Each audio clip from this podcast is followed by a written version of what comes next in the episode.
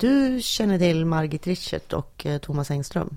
Ja, precis. Jag, jag känner dem inte. Men de är ju sådana personer som man ser och stöter på och läser och så. De är Mm. väldigt bra skribenter på Mm. så. Kulturskribenter. Ehm, de har ju eh, under några år flyttat runt lite. Först flyttade de till Georgien. Alltså först flyttade de ju till Sjöbo. Eller hur? Visst var det Eh, så? nej, de Eller? bodde i Skåne tror jag, när Ja. de träffades. Men de flyttade ganska snart till Georgien. Ja, Eh, och och sen till Belgien tror jag. eh, nej, sen så drog de ju till... Ja, de kanske var någonstans i Europa ett tag, men sen drog de ju till Mexiko. Jaha, så. Och sen från Mexiko till Rotterdam. Mm. Ja, ja. Och sen så har de bott eh, någonstans i Sverige något år på landet och nu har de flyttat till Kiruna. Det är fint. Mm. Mm. Eh, eh, för de som inte vet då, eh, de är alltså kulturskribenter. Margit skriver också väldigt mycket om mat Mm. och är ju en känd Mm. mat, matlagerska. Mm. Och det är så kul eh, att följa deras Instagram nu, när liksom all mat är så här, ja men det är renkött och det är... Plocka en tjäder Ja. och sånt. Ja, ja, Ja. det är verkligen det. Och hon har ju, det har hon ju gjort vart hon än har varit. Verkligen Mm. tagit till sig platsens mattraditioner och gjort dem till sina egna och sådär. Mm. Det är ganska kul. Men nu gick de ut med att de ska bo där för att de ska skriva någon slags eh, trilogi, spänningsromans, apokalyps. Ja, precis. eh, Det, det ska vara en, en vad det, klimatdystopi. Alltså i ett framtida Norrland som lider under klimatförändringarna. mm, mm. Eh, Det är inte, ja, tre delar som de har något kontrakt på. Och de, så, så har de ju också gjort tidigare. Eh, framförallt Thomas då har gjort research för sina eh, Mm. romaner där de har Mm. bott. Eh, det ska bli spännande att följa.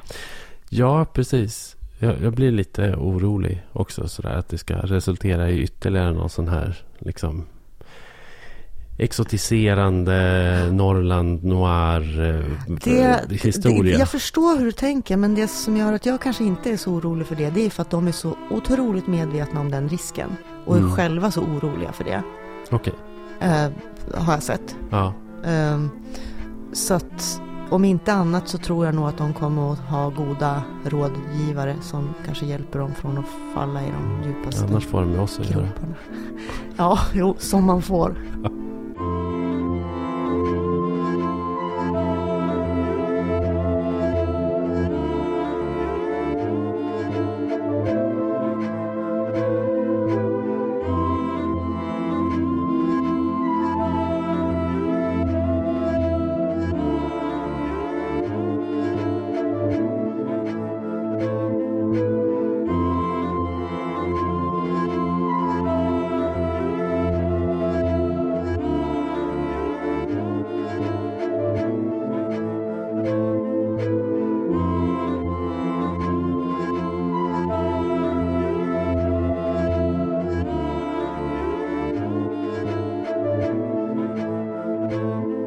Alltså, nu är det här så här frekvent har vi ju inte poddat på evigheter. Nej, det är Nej. ett par år sedan Ja. sist. Och sist så pratade vi ju eh, ett helt avsnitt om Girjasdomen i princip. Ehm, och det som har hänt sedan dess är ju att det har kommit ännu en, ja vad ska man säga, otroligt rafflande eh, Dom. dom. eh, som Som Ja, som- berör samma fråges... Ja, Delvis grä- samma angränsande. Mm. Och som ju kan, på samma sätt som Girjasdomen kan bli en enorm game changer egentligen. Menar, Men, men förutom att Girjasdomen var en dom i Högsta domstolen Ja. och den här domen är en tingsrättsdom. Men, precis, men, men, vi väntar ju på att den ska överklagas och det kanske lär den också gå till säkert, Högsta den domstolen. lär säkert överklagas. Men om man ska rekapitulera lite grann Girjasdomen så handlade ju det då om eh, samebyn Girjas i Gällivare kommun. Och eh, som då hade stämt staten för att få kontrollen över jakt och fiskerättigheterna. Som de då blev av med eh, i samband med en lagändring 1992. Eh, när man bestämde sig helt plötsligt för att det var länsstyrelserna som skulle ha hand om jakt och fiskerätterna. Eh, och inte samebyarna. Vilket hade varit fallet i ja, eh, kanske par, 300 år eller så. Eller sen alltid. Ja, sen alltid. Eh, och det där var ju väldigt märkligt och den här domen eh, vänder ju tillbaka det på något sätt. Kan man ju säga. Eller kan få den konsekvensen i alla fall. Att, att, det här, att de här eh, jakt och fiskerätterna eh, återigen tillfaller samebyarna. Än så länge så gäller ju domen bara Girjas. Eh, men den är ju prejudicerande så, att, så att det, kan, det kan ju ändras. Eh, den sen, här domen som vi tänkte prata om exakt, idag. Eh, den är inte, den har ju, staten är inte inblandad. Nej, det är ju det märkliga i sammanhanget. Och den här domen handlar ju om Vappsten. Eh, som är det, det, det, gamla namnet för, för Tärnaby. Eh, och det handlar då om eh, Vappstens sameby. Och den är ju... Ja, ni får ju hänga med här för det, det är komplicerat. Och den här domen är ju evighetslång och är ju som en bygderoman nästan med, med eh, liksom eh, hundra år av, av släkttavlor och släktfejder och det ena med det andra. Mm. Men, men vad den i grund och botten handlar om är ju att eh, 1932 skulle jag vilja säga va? 30... 30 det, det, det, det, finns ju lite olika årtal. Ja. Ehm, jag skulle säger... också säga 32. I alla fall något av de första mm. åren på 30-talet så mm. tvångsförflyttades eh, Alltså tvångsförflyttningen av samer som vi kommer prata om en hel del också i det här avsnittet inleddes ju i början av 20-talet och pågick i, egentligen kanske 10-15 år efter det. Eller egentligen Längre. kanske ända, ända in på 50-talet. Eh, och det skedde i, det här, i den här vevan så skedde det därför att Norge hade blivit ett eget land. Eh, och Norge var inte särskilt intresserad av att ha eh, nomadiserade samer som, som eh, liksom, eh, konkurrerade med jakt och fiske. Och därför så eh, hävdade Norge att det hade blivit trångt och fullt. Och eh, dessutom så blev renjordarna på grund av jag tror jag, gynnsamt klimat under ett antal år större och större. Ska, ska vi förenkla det och säga att Norge mer eller mindre stängde gränsen? Ja, för, för samer som ansågs vara svenska medborgare ja. fick inte längre Nej. gå över gränsen till Norge. Nej. Och det var ju då samer som hade rört sig över hela Sápmi. Ja. Och, och i många fall då levt i Sverige på vintern och haft sommarviste ute vid kusten i, i Nordnorge. Ja, och i det här fallet så resulterade det i att två bröder som hette Omma eh, flyttade eh, sig själva och sin renjord och sin familj från eh, Karesuando-trakten i Norge eh, ner till norra Sverige och eh, så småningom hamnade de i Vappsten då i Tärnaby kommun, nuvarande Tärnaby kommun. Och slog sig ner där. Eh, och det var då i tidigt 30-tal någon gång. Är Tärnaby en kommun? Är det inte Storumans Nej, det är Storuman, kommun? Storumans kommun, korrekt. Eh, och eh, det som det som sen hände var ju verkligen också statens verk. Eh, därför att de bofasta samerna i Vapsten som hade funnits där väldigt länge. De hade liksom eh, ju längre tiden gått blivit, börjat ägna sig åt en mindre extensiv och mindre i statens ögon traditionell renskötsel. De hade börjat liksom eh, med någon slags blandbruk egentligen. De hade lite jordbruk och de hade lite jakt och fiske och sen så hade de sam, eh, så, så hade de renar också. Men det här är ju ett centralt, eh, centralt i den här domen. Ja. Så vi kanske ska reda ut just det, skillnaden mellan då extensiv och intensiv renskötsel. Ja, ja. För att det har, det har verkligen ställt till det eh, ja. i, i Vappsten. Eh, då eh, extensiv, alltså man pratar ju också om att två olika eh, traditioner i mm. renskötsel krockade här. Och den traditionen man hade, det var den som då kallas intensiv, som väl väldigt förenklat ska sägas. Man hade kanske färre renar och man hade dem mer i hägn mm. och de var tama. Alltså mm. man hade i hög utsträckning tama renar som man övervakade Ja, men ständigt. som man också flyttade. Ja, men, men, men som men man ändå. hade mer ja. kontroll över. Ja. Medan då den här extensiva renskötseln som de kommer med uppifrån Karesuando och mm. eh, Norrbotten, det var mer vilda renar ja. som strövade som fritt, strövade, som, som strövade fritt ja. och som man samlade ihop någon gång om året för ja. skiljning och slakt. Och då, hade ju, då var det ju så oturligt så att den svenska staten hade ju redan i slutet av 1800-talet bestämt sig för vad som var en riktig lapp eller same som man mm. säger nu då. Men eh, då sa man lapp och en riktig lapp det var en person som ägnade sig åt extensiv renskötsel. De andra förtjänade inte riktigt då att vara lappar. Och därför så när man skrev de här eh, renskötsellagstiftningarna som man då reviderade. Den första kom ju, vi pratade om den förra gången också.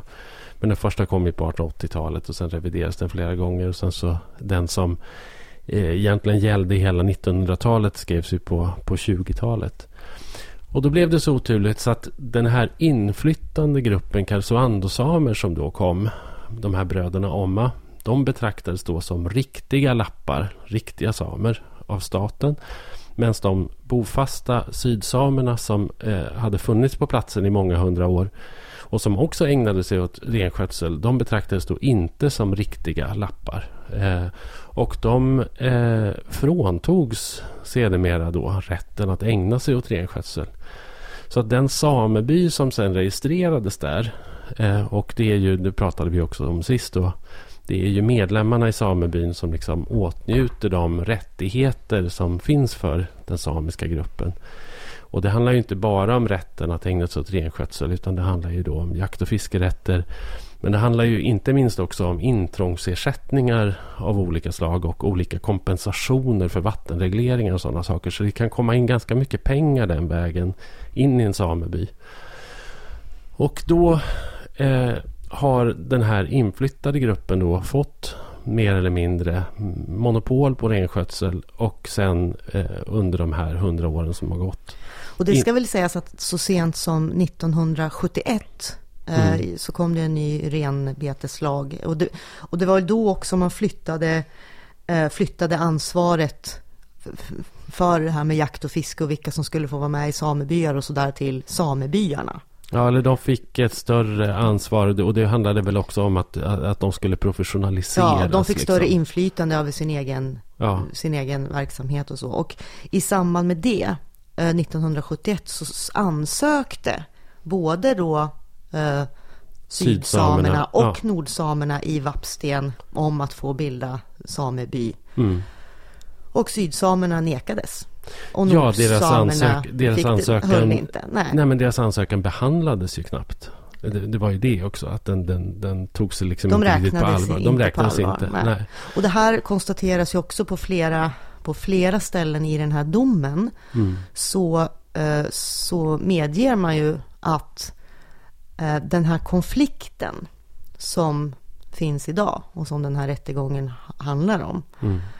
Eh, beror på statens Gud, alltså att, att, staten har gjort fel, att man har fattat ogenomtänkta beslut, mm. eh, att man, ja, staten har helt enkelt gjort en, en massa misstag efter varann eh, och helt enkelt fel beslut som har lett till den här infekterade situationen mm. mellan de här två grupperna av samer ja. i Vapsten. Och det är ju superolyckligt och jag måste säga att eh, en, en vän till mig, Bert-Olof Brännström, gjorde en väldigt fin dokumentär som sändes eh, på P1 i höstas eh, och som man med fördel kan lyssna på som handlar om den här konflikten. Och som väl ligger ute fortfarande. Och när jag hörde den så kände jag liksom då, alltså då kände jag verkligen så här, men att, att det fanns en sån otrolig och nästan omotiverad bitterhet hos, de här, hos den sydsamiska gruppen. Eh, gentemot och att det var moraliskt tveksamt tyckte jag att de stämde att de stämde liksom de andra samerna att det, att det, kändes, eh, det kändes sunkigt på något sätt och, och varför stämde de inte staten och det, och det kan jag ju fortfarande känna att det var, det var, ju, ganska kon, det var ju ganska konstigt gjort på något sätt. Ja, för, det här, för det här är ju också liksom du vet gamla vänner och klasskamrater som har stämt varann och det är, liksom, det är otroligt sårigt och, mm. och, och trasigt. Men där tycker jag att tingsrätten har liksom de har liksom tagit ansvar för det här eh, på ett väldigt fint sätt. Och skriver också på något sätt att ja, egentligen kanske de borde ha stämt staten och sen så eh, tolkar på något sätt eh, tingsrätten stämningsansökan ändå på ett sådant sätt så att man liksom det slutar ändå med ett slags ansvarsutkrävande av staten och inte av den inflyttade gruppen samer. Precis. Man, man, konstaterar ju också i den här domen att den är knappast tillfredsställande för varken käranden eller svaranden. Nej. Eftersom båda är förlorare. Och vinnare. Och vinnare, mm. ja. Men, men Vi kan ju spoila. har, vi, har, vi, ja. har vi ens sagt vad, vad stämningen handlar om? Den handlar, man, man har, det är alltså då, eh, vi backar lite. Mm. Eh, det finns då en sameby, alltså en ekonomisk förening ja. i Vapsten som heter Vapsten sameby. Ja. Sen har då de här sydsamerna som var där först, som mm. de själva hävdar, eh, bildat en eh, egen förening som inte är då en sameby, utan, men den heter Vapstens lappby. Vilket var det ursprungliga namnet på Vapstens sameby? Precis, samebyarna hette ju också lappbyar ja. tidigare. Och då har de bildat den här och, och den har de ju bildat för att, för att driva det här, mm. Eh, det, det, här rättsfallet. Och så har man stämt dem på bättre rätt. Är det så det heter? Jag tror det. Bättre rätt. Ja, precis. De har mm. väckt talan om bättre rätt till renskötsel. Eh, vilket då innebär att de menar att de och för er som lyssnar på Girjasdomen så är det här mm. bekant då, mm. enligt urminnes hävd och sen, sedvanerätt har rätt att bedriva renskötsel mm. på, i det här området. Mm. Vilket de inte har haft då eh, rent juridiskt fram till nu, men har gjort ändå. Det mm. vill säga flera av de här eh, kärandena då, som mm. har stämt samebyn, har fortsatt att ha renar. Mm. Som de inte har bedrivit då den här extensiva. De har inte, renarna har inte vandrat så mycket, men de säger att de önskar att de kunde få göra mm. det. Men de kan inte släppa ut sina renar. Eh, utan de har dem mer i, i hägn och lite mer koll på dem. Och det har, det har ju också alltså varit någon slags lagtrots som de har ägnat sig åt. Ja, mer eller mindre. M mer mm. eller mindre. Ja. Eh, men där de ju nu faktiskt, om vi ska komma till det, den här domen ger dem rätt. Precis. Och, Sen, men, och då ja. vill vi säga också att då har de ju ställt olika lagstiftning mot varandra. Ja. Eh, enligt renbeteslagen så finns det inget stöd för att de ska få eh, bedriva renskötsel eftersom man måste vara en sameby mm. för att få göra det och det är ja. de inte. Men då menar de då att grundlagen eh, där det då står om samernas rättigheter och urminneshävd och sådär väger tyngre i det här fallet. Det är dessutom ytterligare en lagstiftning som kommer in och det är ju eh, liksom i princip Eh, föreningsfriheten och eh, det faktum att eh, medlemmarna i Vapstens sameby som ju då är ättlingar till de här bröderna Omma som kom dit mestadels inte har rätt att neka inträde till de sydsamer som finns på platsen. Därför att det strider också mot grundlagen hävdar man ju. Så att, så att, och då kommer vi också till, till det här som hela den här, dom, hela den här historien i domen innehåller. Mm. Nämligen de här åratalen av konflikter ja. som har varit. Och man kan inte gå jättemycket in på alla dem. Vissa av dem är lättare att bevisa än andra. Mycket Vissa är ut, bevisade. Ja, och andra är berättelser men som ändå är trovärdiga ja. för att de... Ja. Men det, men, men det, som, bit, det som har ja. gjorts är ju att, att man har ju vid flera tillfällen sökt, eh, ansökt om att få bli medlem i samebyn och nekats mm. av nordsamerna då. Som i sin tur menar att de här ansökningarna har varit felaktigt skrivna och de har inte kvalificerats. Ja, precis. De ja. har haft... Och det kan de ju mycket väl ha varit. Absolut, absolut. Och sen, och sen så har det ju då gått så långt så att den här konflikten mellan de här två föreningarna mm. har, har blivit så infekterad så det, det, det, spelar liksom ingen roll. Alltså det, det, har varit helt omöjligt att på något sätt mötas eller och det har varit mm. sån smutskastning. De har kallat varandra för hemska saker, eh, anklagat varandra för det ena och det andra och också gjort riktigt mm. taskiga saker mm. mot varandra. Ja, och det är inte trevligt. Eh, det är inte trevligt någonstans. Det kan man inte säga. Jag har ju tillbringat lite tid där uppe. För att jag skrev ju skrev ju ett stort reportage till Filter. Vad kan det ha varit? Eh, kanske en sju, åtta år sedan. När ett eh, företag som heter Nickel Mountain ville starta en stor nickelgruva i Tärnaby. Eh, och kampen mot den där nickelgruvan den, den drevs ju både av medlemmar ur, ur Vapstens sameby och Eh, och av Tärnaby samer i förskingringen. Eh, och jag hade kontakt med, med folk där uppe då och jag reagerade på det när jag, när jag läste om det här. Och att, att då de här sydsamerna på plats har startat en alternativ förening som de kallar för, för Vapstens lappby. Därför att eh, jag hörde några äldre som vi var ute och tittade då liksom på, på det där området där den där gruvan skulle var, var tänkt att ligga då. Och tillsammans med några äldre eh, samiska män och som kallade sig själva för lappar. Och att de nästan gjorde en sån distinktion. Liksom, att de var inte fullvärdiga samer själva. Utan, utan de var ju som fattiglappar. De mm. var ju liksom gammaldags lappar utan, utan rätt. Eh, och att det fanns en sån oerhörd eh, sorg i det där på plats. För de tillhörde ju då den ursprungliga gruppen sydsamer som hade på något sätt hamnat he helt vid sidan av. Det var ju också så att om den där gruvan skulle ha byggts så hade det ju också varit frågan om alla förhandlingar till exempel mellan, mellan då när, när gruvbolaget säger att de förhandlar med eh, urbefolkningen och med samerna så är det ju bara samebyn som de förhandlar med. Och eh, hade gruvan blivit av så hade det ju också blivit fråga om ganska stora intrångsersättningar eh, som också då bara hade tillfallit eh, samebyn och samebyns medlemmar.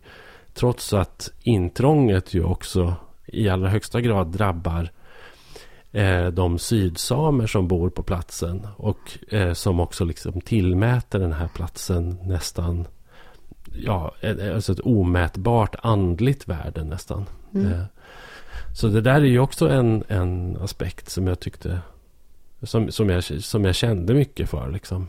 Eh.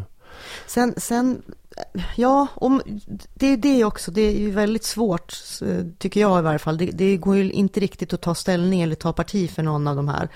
Därför att det är ju verkligen eh, fortfarande bo, båda de här grupper, föreningarna, säg ja. föreningarna, som, som nu eh, har den här tvisten, eh, har ju hamnat i den här situationen på grund av staten och statens mm. agerande. Där då eh, de här sydsamerna, om vi ska ta det från början då, mm. när nordsamerna kom. Då hade man för det första, man hade inte fått någon information. Man det var ingen som, inte, nej, det var ingen som hade frågat eller sagt att nu kommer det att komma hit eh, några familjer till med jättemycket renar och ska dela mm. på det här med er. Mm, nej, det var, utan de bara dök upp Eh, och eh, det dök dessutom upp då med den här extensiva mm. Eh, och det enda, och när, när, och när tingsrätten nu har gått tillbaka och, och, sökt igenom alla arkiv och tittat på alla papper så visar det sig att det enda tillstånd som fanns var ju ett temporärt tillstånd för de här bröderna att ha renarna på bete där under ett år. Ja, från 1931 till 1932 och så vitt jag förstått så befann de sig inte ens på platsen då Nej, utan var, var längre norrut. Så att det fanns ett sånt temporärt tillstånd för ja, dem. Och sen har det inte utfärdats något annat tillstånd. Nej, egentligen. däremot så har de ju inte heller blivit hänvisade någon annan plats. Det är ingen som har sagt, utan eh, och det säger man ju också i den här domen att när nordsamerna då slutligen bosatte sig här mm. Eh, i Vapsten så gjorde de ju det i god tro. Det. För det var liksom den anvisning de hade fått ändå. Oh ja. Ni ska hit. De hade blivit anvisade dit. Och, och de flyttade ju verkligen och, inte frivilligt. Nej, det gjorde de ju verkligen inte. Och det här var ju också på den tiden, ska det sägas, att flera av dem var förmodligen analfabeter. De hade svårt att förstå myndigheternas uppmaningar. Eh, så att den kommunikationen var ju inte heller bra. Och då å andra sidan de här bofasta som ju då har hävdat i den här stämningen att de har blivit utträngda. Mm. Eh, för det är så finns det bara tydligen ett enda sätt att, att förlora Nej. vid ett slut. Och det har de inte gjort. Nej. Utan de menar då, de som genom åren då faktiskt intensiva vilda renarna mm. kom och drog med sig de tama renarna. Det håller ju faktiskt inte rätten med om att de har blivit utträngda. Nej, nej de eh, säger det. De Men har inte blivit... De har sagt sig rätten att ägna sig åt renskötsel och därför så ska, bör de ha den rätten enligt urminnes hävd. Det här alltså. Det är jätterörigt. Men ja. jag tycker att vi... Eh, ska vi prata lite? När vi pratade om Girjasdomen så nämnde vi också en bok som har kommit som heter Herrarna satte oss hit. Eh, på 20 och 30-talet. Mm. Och eh, då hade vi ju inte mer än bläddrat Kiev-foton och det är liksom ett ganska gediget, fint skriven måste jag säga. Samlade berättelser. Ja. Jag kan säga att jag varvade med att läsa som hon läser själv. Vilket jag tycker i det här fallet eh, blir som en extra dimension också. När hon läser bland annat små samiska stycken som finns här och så. Det blir bra, bra känsla. Finns bra den på en streamingtjänst nära dig? Eh, ja, typ. ja det, det gör den. Um, och då, hon beskriver då, del, alltså hon har väldigt korta stycken när hon beskriver det här rent juridiska. Mm. Men när, när hon då, hon skriver då om just tvångsförflyttningarna. Under 1800-talet stängs gränserna successivt och renjordarna tvingas ihop på mindre marker. Det kulminerar i början av 1900-talet efter att Norge blivit en egen nation. I Norge vill man ha markerna för sina norska landsmän. Att människor flyttar över gränsen med renar är ett rött skynke för den norska staten. De hör inte till Norge även om de har levt där generation efter generation. Renarnas betesängar ska bli sätrar och jordbruk. Nomadlivet är en börda för landet och den fastboende befolkningen och stämmer lite med civiliserade samhällens intressen och ordning, säger mm. Arbetarpartiets ordförande Christian Holteman Knudsen. Mm. Alltså Norge framstår inte som världens mest skärmiga land. Nej, det känns eh, väldigt rasistiskt, fruktansvärt ja. rasistiskt. Och 1919 så skriver då Sverige och Norge något som man kallar för en renbeteskonvention som begränsar hur mycket ren som får flytta över gränsen, mm. i stort sett inga. Eh, kan man, eh, och det var väldigt många då som hade som sagt sina sommarvisten vid Atlantkusten. Och det beskriver hon ju så otroligt fint i andra berättelser här. Mm.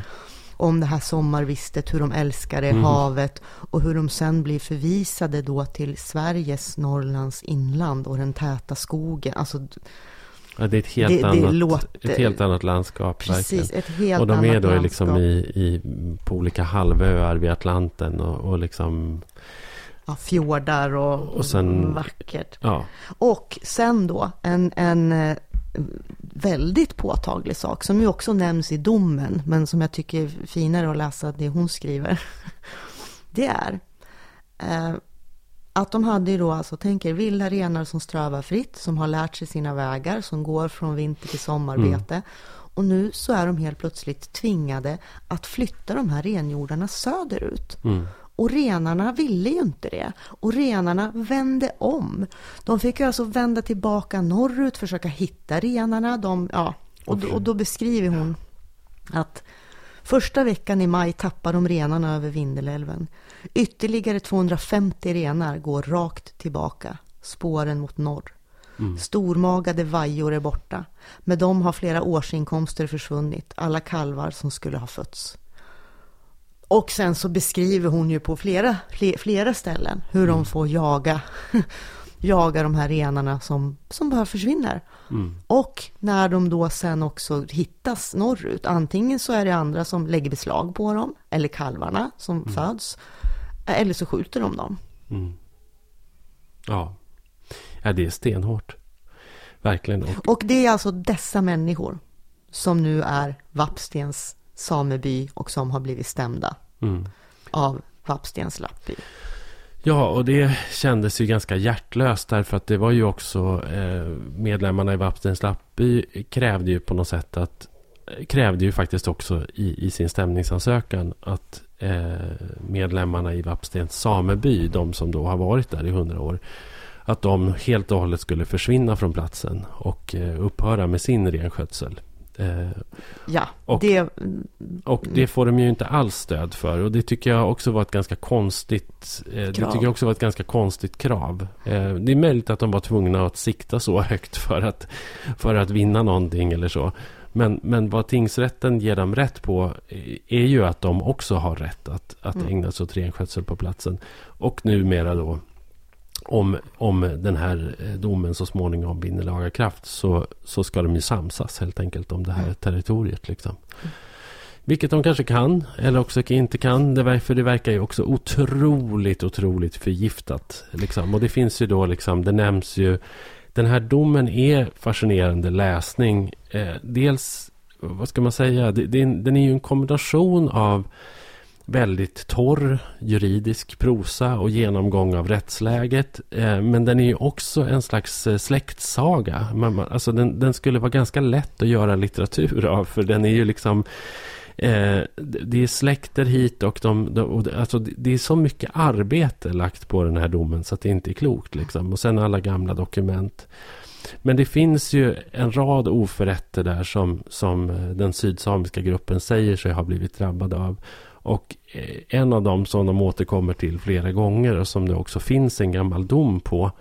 Det är ju en händelse eh, på, är det på 80-talet va? När, när medlemmar ja, ur Vapstens, när medlemmar ur Vapstens sameby har hyrt en ja. helikopter och åker upp till fjälls och Eh, aktivt splittrar eh, sydsamernas eh, renjord så att de springer all världens väg och, eh, och liksom i princip försvinner in i andra mm. liksom bestånd och, och jordar.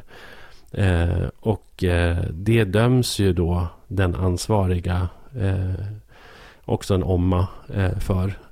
men de får aldrig någon kompensation eftersom den här personen också har gått i konkurs Eh, vilket inte heller har hindrat... Det, det, har ju varit konkurser och det har varit olika regelöverträdelser också från Karesuando-samernas eh, liksom sida. Men som inte har fått några konsekvenser eftersom den här samebyn hela tiden också har varit i den här familjens kontroll. Så har man liksom sett genom fingrarna på saker som egentligen borde ha diskvalificerat vissa renägare från att bedriva verksamhet. Mm. Så, att, så att det, är, det är lite sådana saker. Och å andra sidan så verkar kanske inte liksom de sydsamerna ha betett sig så himla charmigt heller alla gånger. Liksom. Så, att, så att där, där är det ju helt och hållet omöjligt att ta ställning. Nej. Vad tänker du på? Jag tänkte på ett stycke i faktiskt den här boken igen. Mm. Uh, hur det var då för de här nordsamerna. Uh, inte på 80-talet men väl på 30-talet. Mm. Här pratar vi då om Elle som har ett barn som har tvångsflyttats. Mm. Hon tar de ord hon hittar för att tacka på svenska, men hon har aldrig haft särskilt lätt att lära sig främmande språk. De har kyrkor här också, men inte är det som i norr. Det är en mildare slags tro. Barnen vet att de inte får arbeta på söndagen. Det enda undantaget är arbetet i skogen med renarna. Men Gud nåde den som lägger ut ett nät. Ellen klamrar sig fast vid tron. Vad som än sker är det inte deras val. På skolan viskar de ibland om att de är tjuvar från norr. Att nordlapparna har långa fingrar. Att de ska hem, dit de hör. Mm. Om hur det var innan de kom. Injabjette är den första att längta tillbaka. Hon säger att en främmande människa är som en främmande hund.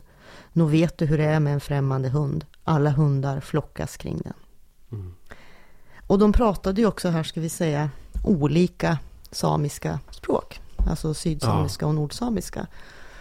Mest rörande är ju en äldre kvinna som har blivit eh, tvångsförflyttad som, som barn nästan. Och som när hon blir äldre och senil rymmer från, från ålderdomshemmet. Ja, och ska, ut i skogen för hon ska, hon ska till havet. Hon ska tillbaka till havet på andra sidan fjällen. Det är otroligt sorgligt. Men, men, men det här tycker jag ändå jag illustrerar ja. det här, den här, alltså det är typiskt som det alltid har varit. Nu ja. kommer det främlingar, nu kommer det invandrare, nu mm. kommer det folk som inte hör hit. De är säkert tjuvar, de ja. har... Och det är också så att staten tyckte ju liksom lapp som lapp. Alla samer är ju samma sak. På å ena sidan och ja. på andra sidan inte. Nej, nej, precis. Ja, men så länge de uppförde sig som, som staten hade bestämt att samer skulle göra, då ägnade sig åt renskötsel på det sättet som, som man tänkte sig att de skulle göra.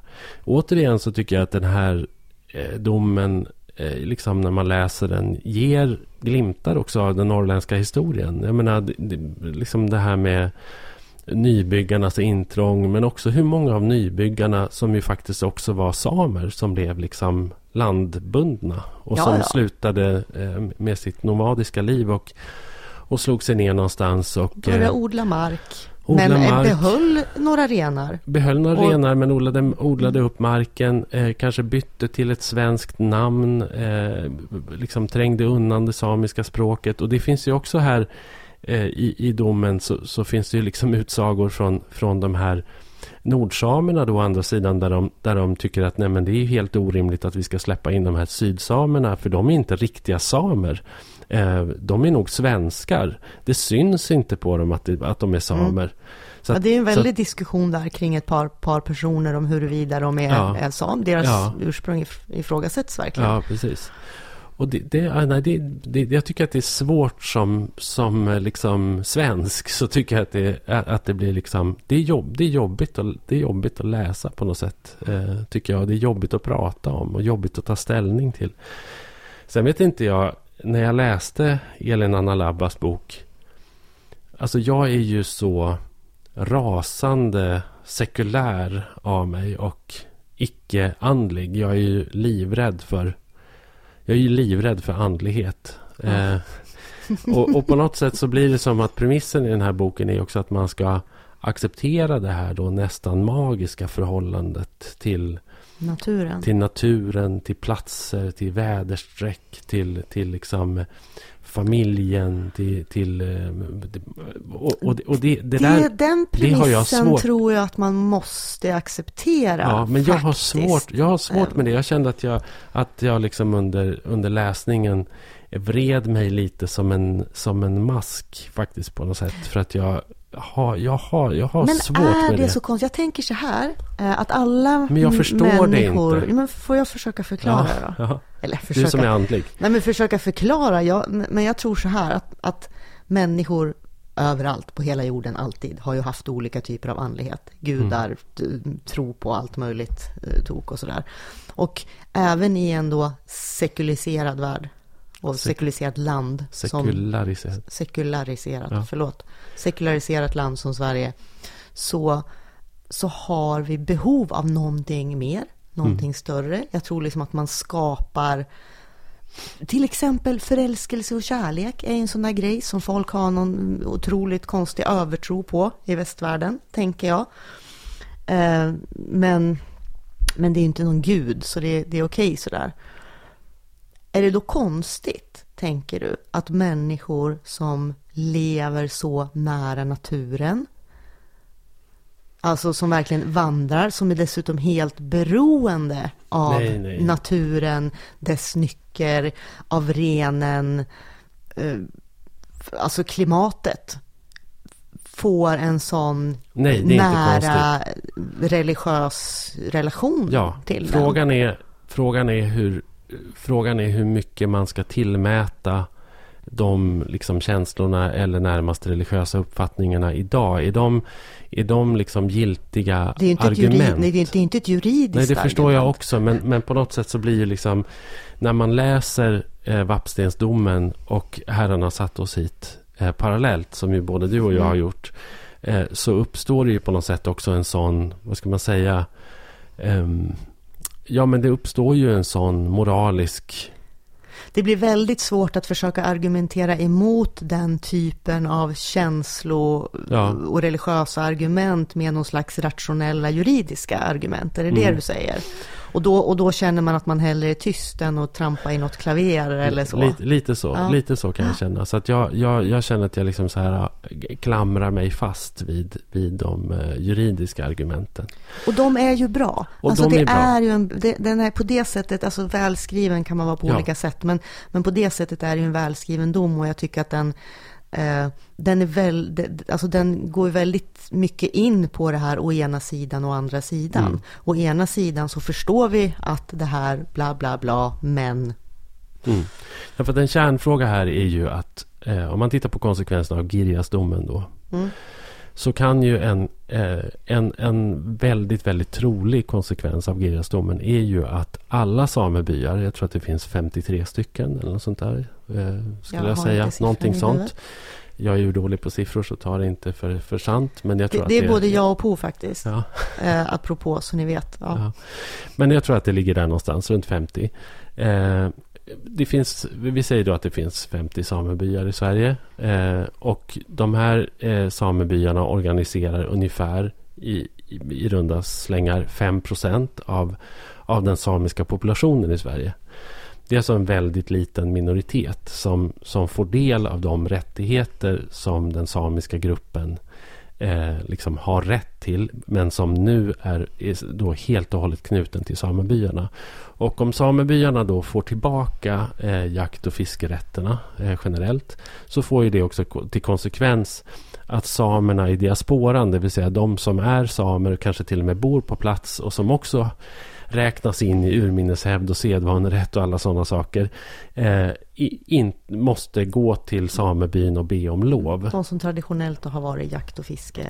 Precis, och, och under, sen, sen 1992 och framåt så har ju kan man ju säga jakt och fisket varit lite demokratiserat i den samiska gruppen i och med att alla oavsett bakgrund har fått tillgång till den genom att liksom söka tillstånd hos Länsstyrelsen. Och nu så kanske den rätten då tillför. Och det här har ju skapat eh, enorma konflikter nu redan eh, uppe i Norrbotten. Eh, och som har fått rätt fruktansvärda konsekvenser. Det har ju varit liksom eh, tjuvjakt och nästan rituell slakt på renar. Där man har slaktat renar och dumpat huvuden på vägarna. Eh, liksom. Och där det då dessutom sägs att eh, de här illdåden och en del av det här hatet eh, dessutom då existerar inom den samiska populationen. Det vill säga att det här inte alls bara är svennebananjägare som, som är förbannade över att det inte är Länsstyrelsen som har hand om jakt och fiskerätterna utan att det dessutom kan vara då samer som, som eh, hamnar i en extremt utsatt och underordnad position i förhållande till de samer som är medlemmar i samebyn. Det, det, men det är det som är så intressant med den här domen, för den går ja. ju lite åt andra hållet. Den löser ju den, upp den knuten, förut, kan man förutom säga. Förutom att det är en tingsrättsdom och Girjasdomen ja. är ändå högsta domstolen. Uh, så det, alltså det ska bli otroligt intressant, eller jag hoppas att vi får se högsta domstolen bedöma det finns, ju, det finns ju faktiskt en annan lösning på det här. Eh, och det är ju att politiken eh, tar ett grepp på det här. Eh, att, och att man, inte, att man inte behöver driva det så långt. Att det inte är, för det pratade vi om sist också när vi pratade om Girjasdomen. Att det är ju pinsamt att alla politiker har stoppat huvudet i sanden och att man inte har ratificerat ILO 169 och att man undviker de här frågorna. Och när Girjasdomen kom så vågade knappt någon uttala sig. Det var ju egentligen bara Vänsterpartiet och Miljöpartiet som som pratade om den här domens konsekvenser och alla andra sa att det här är nog bara en liten isolerad företeelse i Girjas möjligtvis och vi mm. avvaktar och vi, vi, tänker inte, vi tänker inte göra någonting. Eh, men, men, men det som egentligen skulle behövas är ju en total revision av rennäringslagstiftningen och, och den här exkluderingen ja. då av, av eh, liksom samer. Men, men, tror du då, eh, är, är du helt säker på att det skulle bli bra för samerna? För jag är lite orolig att till exempel Girjasdomen ska väcka andra tankar hos politiker om att möjligen börja revidera grundlagen. Och kanske, kanske begränsa samernas rättigheter och urfolksrättigheterna. Jaha, nej, nej, det, tror jag inte är möjligt. Det, nej, det, tror jag inte nej, möjligt. men ska jag säga varför jag blir lite orolig för det? Ja. Det beror ju också på de allmänna stämningarna i samhället. Jo. Alltså mer och mer högerextremism, mer och mer, alltså förstår du? Att jag, kan, jag, jag ser en sån fara att om man ska lyfta på det här locket politiskt, då kan ju liksom helvetet braka löst på riktigt. Om man ska försöka hitta alltså revidera rennäringslagen, fine, men kommer det att stanna där? Nej, jag, alltså, jag, vet inte. Nej, men jag, jag, jag... Inte. jag, litar inte på, jag litar inte på staten i de här frågorna heller. Jag litar betydligt mycket mer på juristerna. Jag tycker de verkar eh, otroligt kloka. Det har ju båda de här domarna visat. Och man kan man, alltid lita på juristerna när, när politikerna ja, och när, man, och när man läser domarna så, så jag tycker de är väldigt, liksom, ja, Vappstensdomen är, är, i sin disposition lite rörig, tycker jag. Eh, det hade de kunnat ha gjort bättre. Men, men det är ju en randanmärkning, för det är ju otroligt bra research, jättebra resonerat, väldigt transparent och väldigt reko, eh, tycker jag, liksom, i, i slutsatser och, och allting. Liksom. Eh, och, så att, så att jag, jag hoppas väl på det. Men, jag, men, men det är klart att politiken också måste ta ansvar för situationen. Måste ta ansvar för liksom 150 år av fullkomligt bisarr kolonial rasistisk samepolitik. Det, det, det, måste, det måste man ju göra liksom. Och sen så tror inte jag, ja, det, blir det här, skulle en sån lagändring, jag menar man säger, man, om man säger att Vapsinsdomen då vandrar hela vägen upp i Högsta domstolen också och blir prejudicerande. Eh, vilket då skulle kunna leda till att alla samebyar helt plötsligt måste släppa in eh, måste släppa in eh, samerna som har stått utanför. Eh, det är ju ändå, tolkar jag det som, så är det ju ändå faktiskt eh, urminneshävd och sedvanerätt som gäller.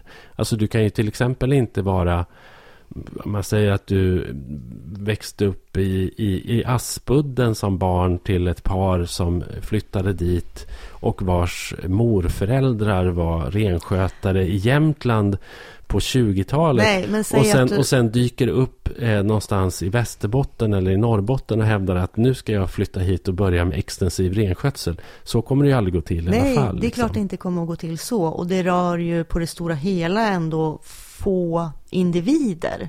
Ja. Så är det ju, det är få individer. Men alltså det, konflikterna mell, mellan olika samer är ju ändå så pass infekterade på många platser. Mm. Så att, eh, ja, eh, jag vet inte om, om en förändrad lagstiftning eller upprättelse från staten skulle kunna lösa, lösa det. Jo. För nu, nu, kan man ju säga så här, ja, har du hört eller sett, för det är det, jag tycker att jag har liksom saknat reaktioner på, på den här Vappstensdomen. Oh, ja. Verkligen. Eh, därför att här får de ju, alltså i, i domen i varje fall ska jag säga, alltså jag, jag läser till nu. Mm. Det här är alltså två väldigt tydliga formuleringar. Mm. Statens beslut och agerande har lagt grunden för den aktuella konflikten. Ja. Bägge sidor synes ha drabbats av myndigheters godtycke och direkt felaktiga beslut. Ja. Ja. Det är väldigt rättvist mm. på något sätt. Men hur tänker du då att man i nästa led ska ta fram något konkret förslag som ska liksom lösa upp de här spänningarna eller göra det bättre? Eller... Det är det jag har lite svårt att se ändå, särskilt efter att ha läst den här domen och den här smutskastningen mellan personer. Och... När de till och med säger ju ganska rakt ut att jag kan inte prata med honom. Det nej, går inte. Nej, men jag förstår. går ju omvägar. Ja, och, och det är ju där. Sen så finns det, jag menar, sen så finns det säkert en massa andra platser i Sverige där det finns likartade eh, liksom, surdegar och konflikter också. Och det finns säkert platser där det skulle kunna funka.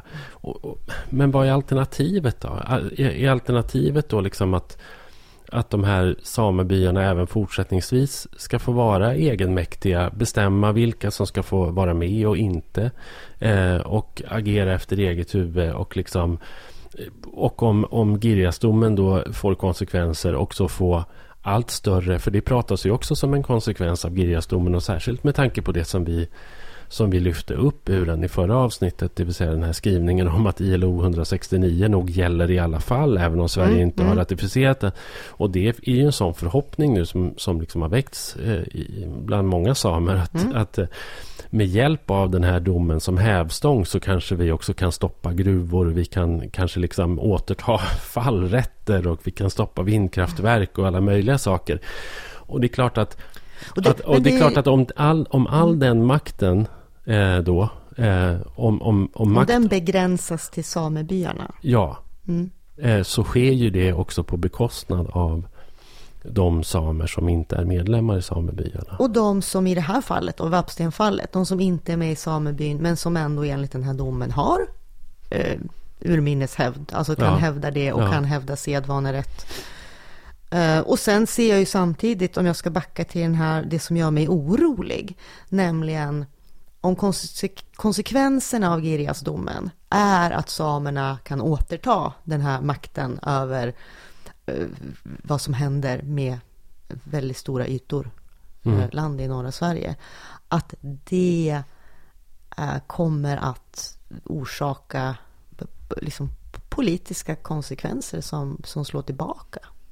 Ja men det tror jag alltså absolut och så är det ju redan. Alltså, alltså det, så har det ju varit. Så har det ju varit under lång tid. Det är bara att titta på stämningen. Det är liksom ett steg fram och två Nej, tillbaka. Men bara titta på stämningen i Jokkmokk kring, kring Gallokgruvan. Liksom, den eventuella liksom, etableringen där. Och vad det har gjort med det lokalsamhället och med liksom konflikten mellan samer och icke-samer och hur man betraktar samerna som som eh, bromsklossar. Liksom. Och, och jag läste, jag läste det var faktiskt ganska bra reportage om, om konsekvenserna av Girjasdomen i Expressen. som var skriven av en eh, reporter på GP som hette Federico Moreno. Mm -hmm. Jättebra text. Leta upp den om ni, om ni kan. Och jag menar, då var det till exempel så här, ordföranden i Jägarförbundet i Kiruna Gällivare, tror jag det var, hade hyrt en helikopter och flugit över för de hade då, då, vid något tillfälle så hade Länsstyrelsen på samernas begäran avlyst jakten. Och det här var ju innan domen hade fallit. Och då hade ordföranden i Jägarförbundet hyrt en helikopter och flugit över hela Girjasområdet. Och hittat sammanlagt 70 renar. Eh, och de här 70 renarna då. Och det här blev ju en jättegrej då givetvis. Därför att Därför att man med hänvisning till 70 renar då skulle begränsa liksom eh, den här otroligt heliga fritidsaktiviteten då för en massa norrbottniska män. Eh, Mm. Eh, och, och, och, och, det orimliga i det då, enligt Jägarförbundet. Så, så, att, menar, så den konflikten, den, den, existerar ju redan. Men då menar jag egentligen att, att om man... Om samebyarna blir en aning mer öppna och demokratiska och transparenta organisationer så breddas ju också deras eh, legitimitet och, och mandat skulle jag säga. Medan det, det som, som det nu är, då, så, så, så, finns det ju faktiskt ett antal samebyar som är liksom, ja, kanske med viss rätta, väldigt defensiva, inte särskilt transparenta och där man känner sig så utsatt så att allt man försöker göra hela tiden är att vara, liksom, gå, på, gå i försvar och försvara det lilla man har och sådär. Liksom. Och, och, det är inte särskilt konstigt. Nej. Eftersom staten har betett sig som den har gjort och skapat de här konflikterna i samhället också. Det finns ju också en väldig liksom, oreda kring jag menar, vad, hur, lång, hur långt liksom, sedvanerätten och urminneshävd sträcker sig. Liksom. Vi kan i alla fall konstatera att det är väldigt intressant att det, att det ändå händer saker nu. Gud, och ja. Så här mycket har det inte hänt på 150 år skulle jag Nej, säga. och att det inte bara händer utan att det faktiskt, nu har inte den här Vappstensdomen fått så mycket uppmärksamhet, men att det ändå uppmärksammas. Jag tänker också på de böcker vi har tipsat om på slut, alltså det, det kommer böcker, det kommer mm. filmer, det görs ändå tv-serier, det, eh, alltså det är väldigt mycket samiskt i populärkulturen mm. och, och, i det utbudet jämfört med för, jag menar, säg tio år sedan. Det är, inte, det, är, det är väldigt lätt idag att faktiskt slå på datorn och få ta del av eh, mm. samiska berättelser, både moderna och äldre, på ett sätt som det inte har varit tidigare. Ja, mm. så är det verkligen. Och det borde vara något positivt, mm. tänker jag. Ja. Och apropå det, vi har ju eh, alltså de här domarna, både, både Girjasdomen och Vappstensdomen de finns ju, eh, tack, tack vare offentlighetsprincipen och allting, så finns de ju att läsa. Eh, man kan, eh, kan man beställa i pappersformat tror jag och det kostar en slant. Men man kan också bara få den på mail. Om man mejlar till eh, Lycksele tingsrätt så skickar de den på, på mejlen. Och den är väldigt läsvärd tycker jag. Eh, Girjasdomen är ju lite mera strukturerad och eh, lite, lite, mera, lite mera välskriven skulle jag säga. Men, men det är också mm. liksom, det finns andra resurser på liksom, både på den instansen. Men, Sen ja. är Girja, Girjasdomen är ju tyngre. Alltså ja. i form av mer invecklad och mer juridiska, ja, vad ska ja, säga, Inveckl invecklingar. Och, och historieskrivning och eh, Vapstensdomen är ju kortare och mm. inte lika tung. Men, men, det jag tänkte komma till också är ju att om ni inte orkar läsa de här domarna så kan ni istället bli Patreons eh, och gå in på eh, patreon.com slash Norrlandspodden och bli donatorer till den här podden så att jag och Sofia kan läsa eh, domarna åt er. Kan läsa domarna åt er, precis. För att, för att jag ägnade halva mitt sportlov och du ägnade åtminstone en tredjedel av sportlovet åt att läsa Pappstensdomen. Så att eh, vi har varit duktiga tycker jag som har gjort det. Mm. Mm. Så att eh, eh patreon.com eh, slash Norrlandspodden. Så kan man gå in där och, och, se hur man gör för att bli donatorer.